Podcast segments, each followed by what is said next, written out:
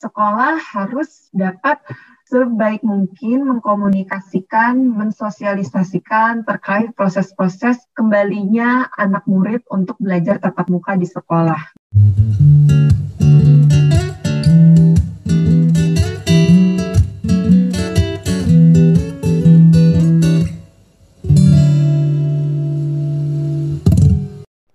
Relatif Perspektif Podcast adalah podcast yang bertujuan menjadi jembatan agar masyarakat luas paham akan isu kesehatan.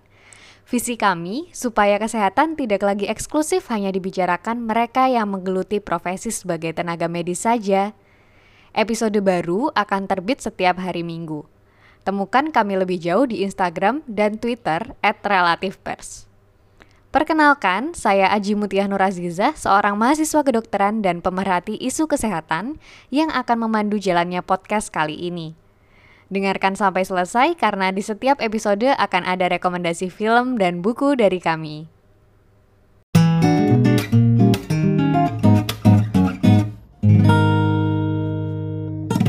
Nah, sekarang nih Mbak mendengar wacana dari pemerintah bahwa ternyata kan akan ada segera sekolah tatap muka di Indonesia. Sementara yeah. nih kalau misalkan dari data yang ada ya Mbak, Indonesia tuh menempati peringkat pertama pada kasus kematian anak akibat COVID-19. Nah, menurut pendapat Mbak Ica, bagaimana urgensi dan manfaat sekolah tatap muka untuk pendidikan Indonesia di tengah krisis pandemi ini Mbak? Ya, mungkin kalau misalnya kita melihat dari perspektif pendidikan gitu ya, yang di mana tadi kita sudah membahas learning loss dan juga ketimpangan pendidikan dan dampaknya untuk masa depan para generasi penerus Indonesia ini gitu ya.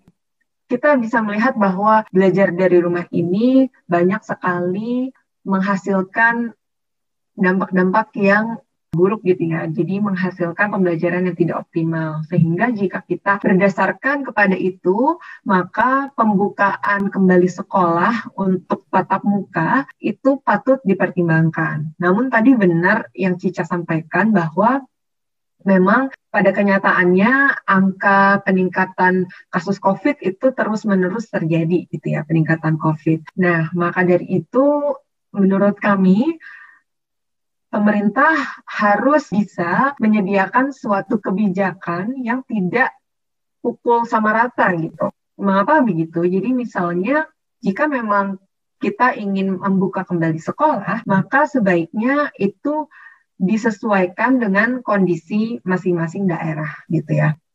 Nah, jadi misalnya kalau di daerah-daerah yang memang dia itu masih tinggi tingkat COVID-nya, maka sebaiknya patut jangan dulu gitu dibuka sekolah. Namun untuk misalnya di daerah-daerah di Indonesia Timur sana gitu, yang di mana dia itu zona hijau, lalu sangat berat bagi mereka, kosnya itu sangat tinggi jika mereka melaksanakan belajar dari rumah, karena mereka tidak bisa mengakses internet, kemudian jarak dari rumah guru kepada rumah murid itu sangat jauh, kemudian medannya itu sangat pegunungan dan sebagainya, sangat membahayakan, maka itu sangat sulit bagi mereka untuk bisa belajar dari rumah. Nah, maka daerah-daerah seperti itu itu ada baiknya untuk tetap dibuka saja sekolah karena toh juga kasusnya juga uh, rendah kan atau bahkan tidak ada seperti itu. Namun untuk daerah-daerah yang memang tingkatnya itu tinggi perlu sangat dipertimbangkan kembali gitu ya putusan untuk membuka sekolah atau tidak. Namun jika misalnya memang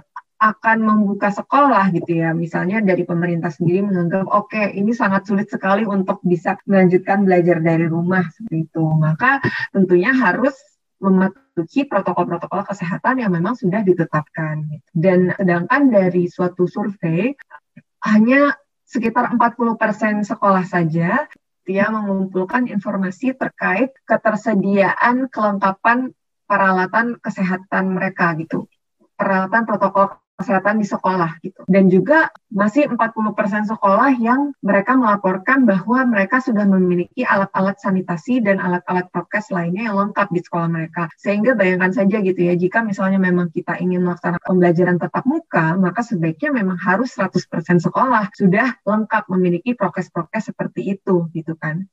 Dan juga dari segi pelaksanaan pembelajarannya harus diatur misalnya masuk itu secara bergilir gitu. Misalnya dua hari ke sekolah, kemudian tiga hari tetap belajar di rumah seperti itu. Lalu juga ketika masuk sekolah harus bisa dihitung sedemikian rupa sehingga murid-murid yang datang itu masih bisa berjarak satu setengah meter antara satu dengan yang lainnya gitu kan. Jadi hal-hal seperti itu gitu Cica. Jadi memang abu-abu gitu ya jawabannya ya belum hitam putih karena hmm. ada trade off masing-masing seperti itu. Oke, jadi itu tadi ya Mbak ya. Ini bisa menjawab munculnya pro kontra dan juga dilema orang tua dalam menanggapi sekolah tatap muka. Yang ternyata ada saran nih dari Mbak Ica dan teman-teman researcher yang lain bahwa ternyata mungkin tidak perlu dipukul rata gitu ya Mbak ya untuk kebijakan ini. Bisa disesuaikan dengan kondisi daerah masing-masing dan bagaimana kasus perkembangan COVID-19 di daerah tersebut supaya nantinya bisa lebih maksimal nih untuk menggunakan protokol kesehatan dan juga bagaimana nantinya proses pembelajaran itu dilakukan apakah bergilir atau menggunakan jarak dan protokol kesehatan yang sesuai kayak gitu ya Mbak ya. Betul. Hmm, harapannya semoga orang tua di luar sana nih nanti bisa mendengarkan ini penjelasan dari Mbak Ica nih. Ternyata ini bisa menjadi jawaban gitu bagi pro kontra mereka karena sebenarnya sangat penting ya Mbak ya sekolah tatap muka ini. Sesungguhnya iya.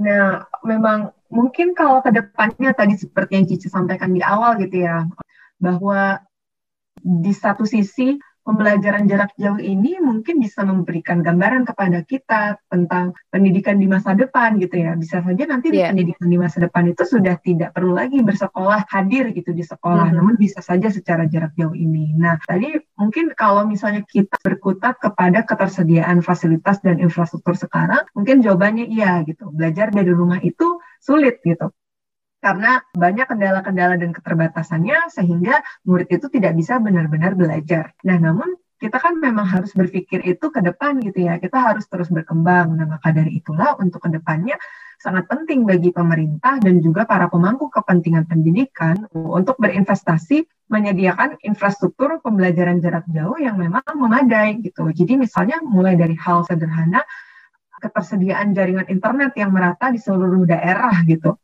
Karena kan di sini kita ketahui sendiri bahwa jaringan internet itu paling kuat di Pulau Jawa atau misalnya di Jakarta seperti itu ya. Namun yeah. di iya. daerah-daerah di pulau-pulau lain, apalagi di Indonesia Timur itu internetnya sangat ngadat dan sebagainya gitu atau bahkan tidak ada listrik. Nah, jadi mungkin dari hal-hal sesederhana itu pemerataan akses-akses dan fasilitas di seluruh Indonesia itu adalah hal-hal yang wajib dipenuhi terlebih dahulu oleh pemerintah gitu. Karena misalnya fasilitas-fasilitas tersebut sudah ada, nanti ke depannya untuk belajar secara jarak jauh itu insya Allah tidak akan ada kendala lagi gitu kan ya Cica ya. Karena kan kendalanya sekarang kebanyakan internet dan sebagainya. Akses itu tadi ya Mbak ya?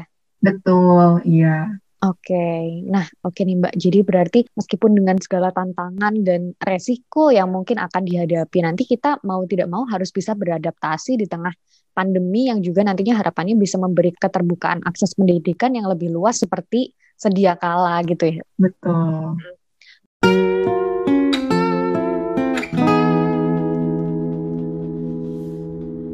Nah, untuk mencapai hal ini Menurut Mbak Ica, gimana sih Mbak sinergi yang sebaiknya tercipta antara anak, orang tua, guru dalam menciptakan lingkungan yang ideal dan aman dalam pelaksanaan sekolah tatap muka nantinya gitu Mbak, kalau misalkan memang sudah bisa dilaksanakan.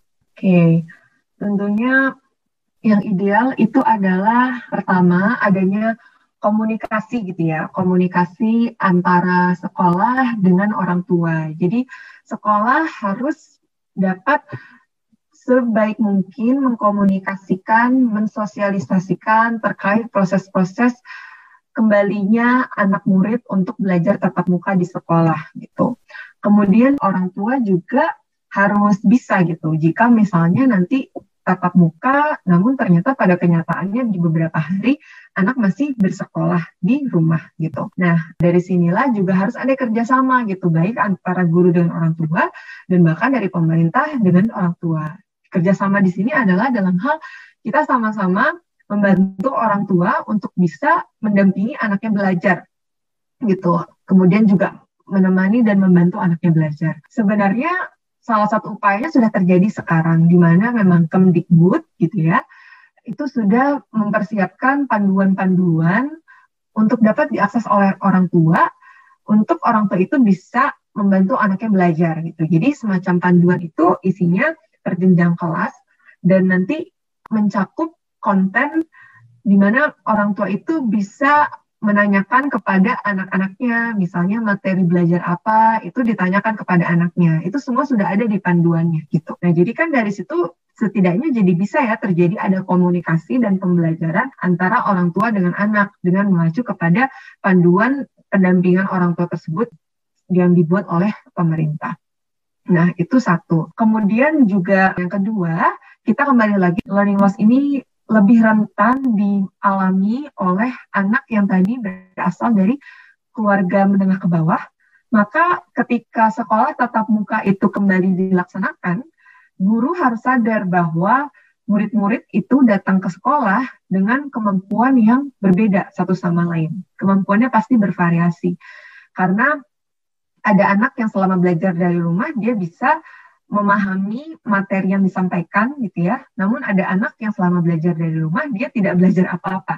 Sehingga ketika sekolah tetap muka kembali dilaksanakan pada awal hari mereka datang ke sekolah, itu yang satu misalnya ada di level 3, yang satu ada di level 15 gitu pengetahuannya. Nah, jadi untuk menanggapi hal tersebut, itu sangat penting bagi guru untuk pertama kali memetakan terlebih dahulu nih kemampuan masing-masing muridnya itu ada di mana.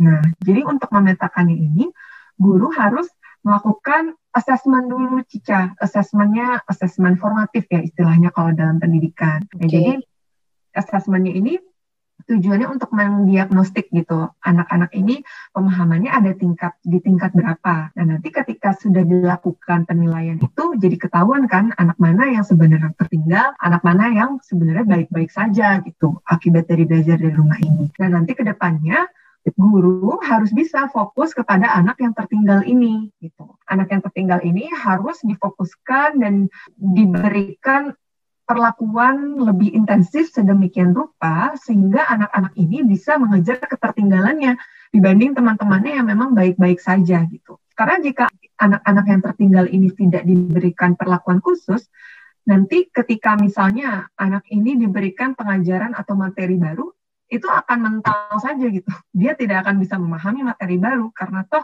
materi sebelumnya yang fundamental yang harus dia pahami terlebih dahulu untuk dia bisa memahami materi selanjutnya, itu saja dia tidak bisa paham gitu. Sehingga penting sekali untuk guru itu memastikan terlebih dahulu anak-anak ini bisa memahami materi yang sebelumnya mereka tidak paham. Sehingga nanti dengan upaya-upaya seperti ini, nanti learning loss itu bisa semacam teratasi sedikit sehingga ketimpangannya itu bisa dipersempit terlebih seperti itu. Baik, jadi dari panduan pemerintah itu tadi ya Mbak dan juga assessment yang bisa dilakukan oleh guru untuk mengidentifikasi dulu nih sebenarnya adakah kesenjangan gitu ya antara tingkat pemahaman anak satu dengan anak yang lain seperti itu ya Mbak Ica. Betul. Oke, Mbak Ica obrolan yang seru banget, apalagi ini akan menjadi isu yang akan semakin hangat diperbincangkan gitu ya menuju dibukanya sekolah tatap muka nanti. Nah, mungkin sebelum beranjak ke sesi berikutnya nih Mbak, ada nggak sih pesan-pesan yang ingin Mbak Ica sampaikan kepada teman-teman pendengar mengenai dilema sekolah di masa pandemi ini Mbak? Ya, jadi memang karena keterbatasan semua ini, dan banyak dilema gitu ya yang dialami oleh orang tua. Ada orang tua yang ingin anaknya kembali ke sekolah. Biasanya orang tua ini memang memiliki banyak keterbatasan untuk bisa mendukung anaknya belajar dari rumah.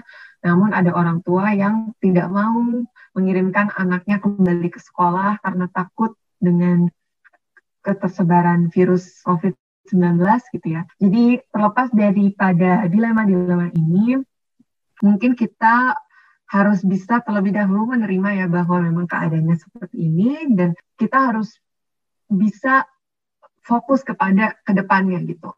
Jadi jangan terlalu berharap kepada tetap muka, kita harus tetap mencurahkan upaya gitu ya, upaya dan juga pikiran kita untuk bisa merancang sedemikian rupa bagaimana meningkatkan pembelajaran jarak jauh ini gitu. Karena kita bisa lihat aja ya baru terakhir-akhir ini di India saja walaupun sudah vaksin dan sebagainya tapi karena euforia mereka yang terlalu berlebihan dan sekarang ada tsunami gelombang kedua kan COVID-nya. Betul, gitu. iya.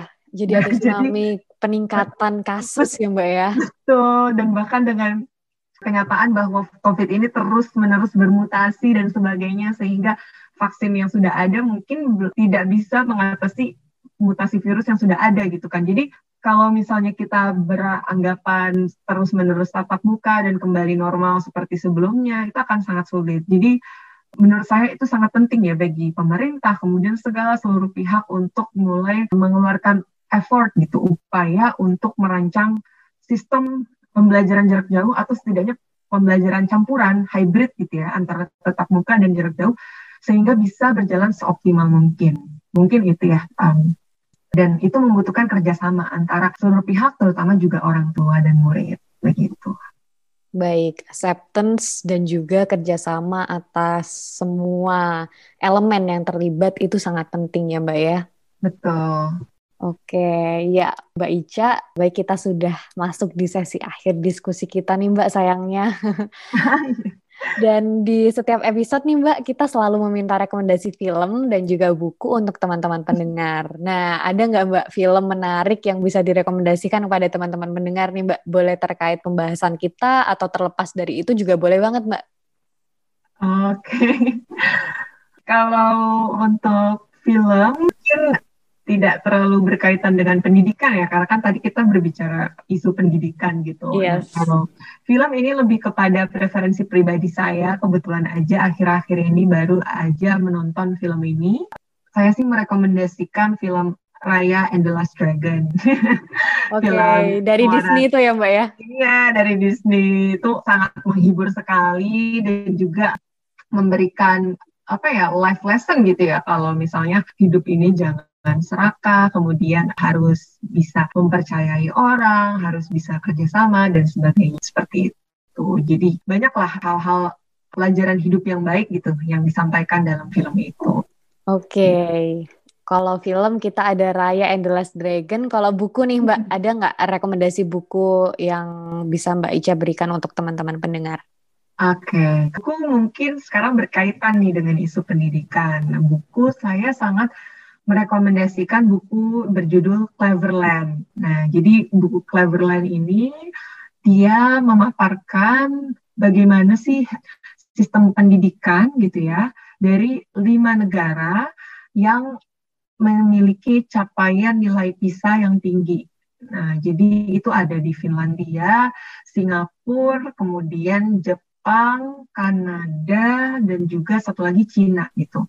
Dan dari situ kita menarik mendapatkan temuan menarik bahwa tidak ada gitu tidak ada satu praktik yang benar yang di mana di seluruh negara itu lakukan secara sama sehingga hasil pisahnya itu tinggi gitu. Jadi tidak ada gitu. Jadi memang praktik-praktik itu harus disesuaikan dengan kebudayaan dan juga kepercayaan dan juga nilai dari masyarakat setempat. Namun di buku itu juga setidaknya di samping perbedaan-perbedaan praktik itu dia paparkan gitu. Ada lima kunci gitu ya lima kunci jawaban di mana jika itu dilaksanakan maka insya Allah sistem pendidikan kita bisa maju seperti itu. Jadi itu sangat recommended sih untuk baca Cleverland sehingga tahu gitu ya. Dan saya setelah membaca itu juga oh di Indonesia itu sangat masih kurang belum terjadi ini praktik-praktik seperti ini gitu Oke, okay, Clever Lens, kalau nggak salah penulisnya Lucy Krehan ya Mbak ya?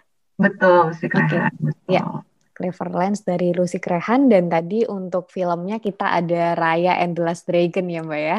Iya. Oke, okay, siap. Terima kasih banyak rekomendasinya Mbak Ica. Ya, sama-sama. Oke, nah sayangnya Mbak Ica obrolan di hari ini sudah mencapai akhir sesi yang alhamdulillah sangat memberikan banyak perspektif baru untuk saya nih Mbak Ica. Semoga juga apa yang kita diskusikan hari ini bisa bermanfaat untuk teman-teman pendengar.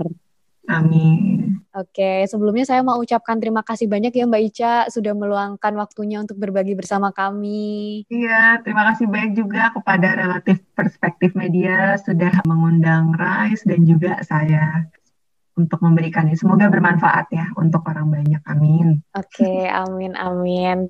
Oke, mungkin itu dulu Mbak Ica dari kami sebuah kehormatan juga untuk kami bisa ngobrol dengan Mbak Ica secara langsung. Mudah-mudahan Mbak Ica bisa diberikan kesehatan selalu ya Mbak ya dan salam Amin. untuk keluarga di rumah. Amin. Hal yang sama juga ya, semoga Cica sehat selalu. Amin, amin. Dia juga sukses terus, lancar terus. Amin. Amin. Baik Mbak Ica, terima kasih banyak. Sampai bertemu lagi Mbak Ica. Sampai bertemu. Jangan lupa, kalau kalian suka dengan episode podcast ini, follow podcast kami dan share ke teman-teman kalian yang lain, supaya mereka juga bisa mendapatkan manfaat seperti yang kalian juga dapatkan. Jangan lupa juga untuk follow Twitter dan Instagram kami di @relativepers. Di sana kalian akan mendapatkan banyak informasi kesehatan dan untuk update tentang podcast serta artikel terbaru kami. Sampai ketemu di episode berikutnya. Bye.